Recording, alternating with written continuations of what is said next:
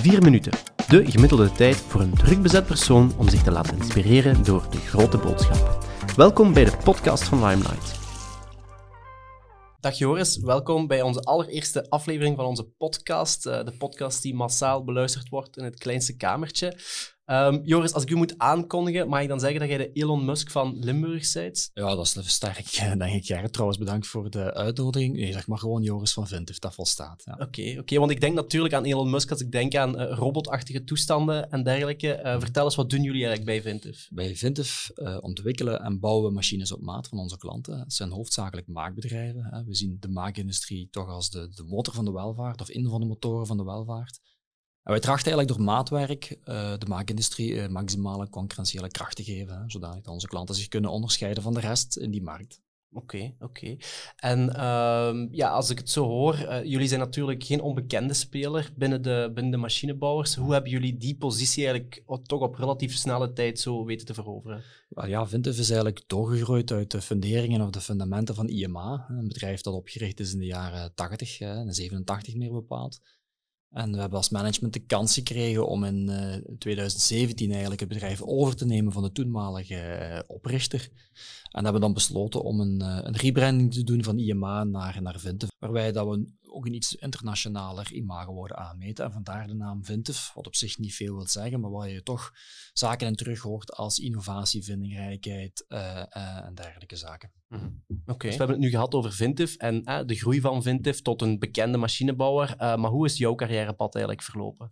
Uh, wel, Gerrit, ik ben eind jaren uh, 99, uh, begin jaren 2000 gestart bij, bij een multinational.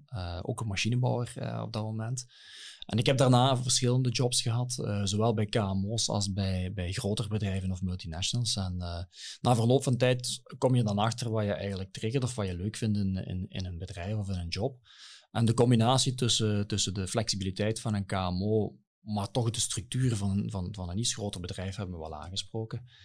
En dan in 2015 ben ik gestart bij IMA in het management en hebben we de kans gekregen om stelselmatig aandelen te verwerven. Uh, van, die we overgekocht hebben van de toenmalige eigenaar. En dat proces is afgerond in 2017 en hebben we eigenlijk een volledige MBO gedaan. -hmm. Oké, cool. En misschien nog een kleine slotvraag, Joris. Um, Vintif over tien jaar uh, of over vijftien jaar, waar willen jullie staan? Gaan jullie echt wel uh, ja, dat, dat, dat grote uh, traject op of dat grote parcours op? Ja, schaalgrootte op zich is voor ons nooit een, een, een, een doel geweest op zich om na te streven. We willen vooral veel toegevoegde waarde kunnen blijven leveren voor onze klanten. We stellen natuurlijk wel vast dat bepaalde sectoren meer gediend zijn bij maatwerk dan andere. En een van die sectoren is bijvoorbeeld de, de farmaceutische industrie, waar we nu toch wel mooie stappen aan het zetten zijn. Dus ik, ik denk dat dat wel een sector is die we meer en meer gaan bedienen. Cool. Um, misschien kleine slotvraag al, want onze vier minuten zitten er helaas al op van uh, onze aflevering. Zo gaat dat, hè, als we in het kleinste kamertje zitten. Um, welk boek of podcast of, of spreker zou jij zeker nog aanraden aan, uh, aan jonge ondernemers die vandaag ja, aan een opstart zijn. Um... Ja. Ik heb er niet zo heel veel gelezen, maar er zijn er toch een aantal die me bijgebleven zijn. En eentje daarvan is uh, Who Moved My Cheese? Uh, het gaat eigenlijk over een kolonie muizen die 's morgens wakker worden en beseffen dat er een kaas weg is.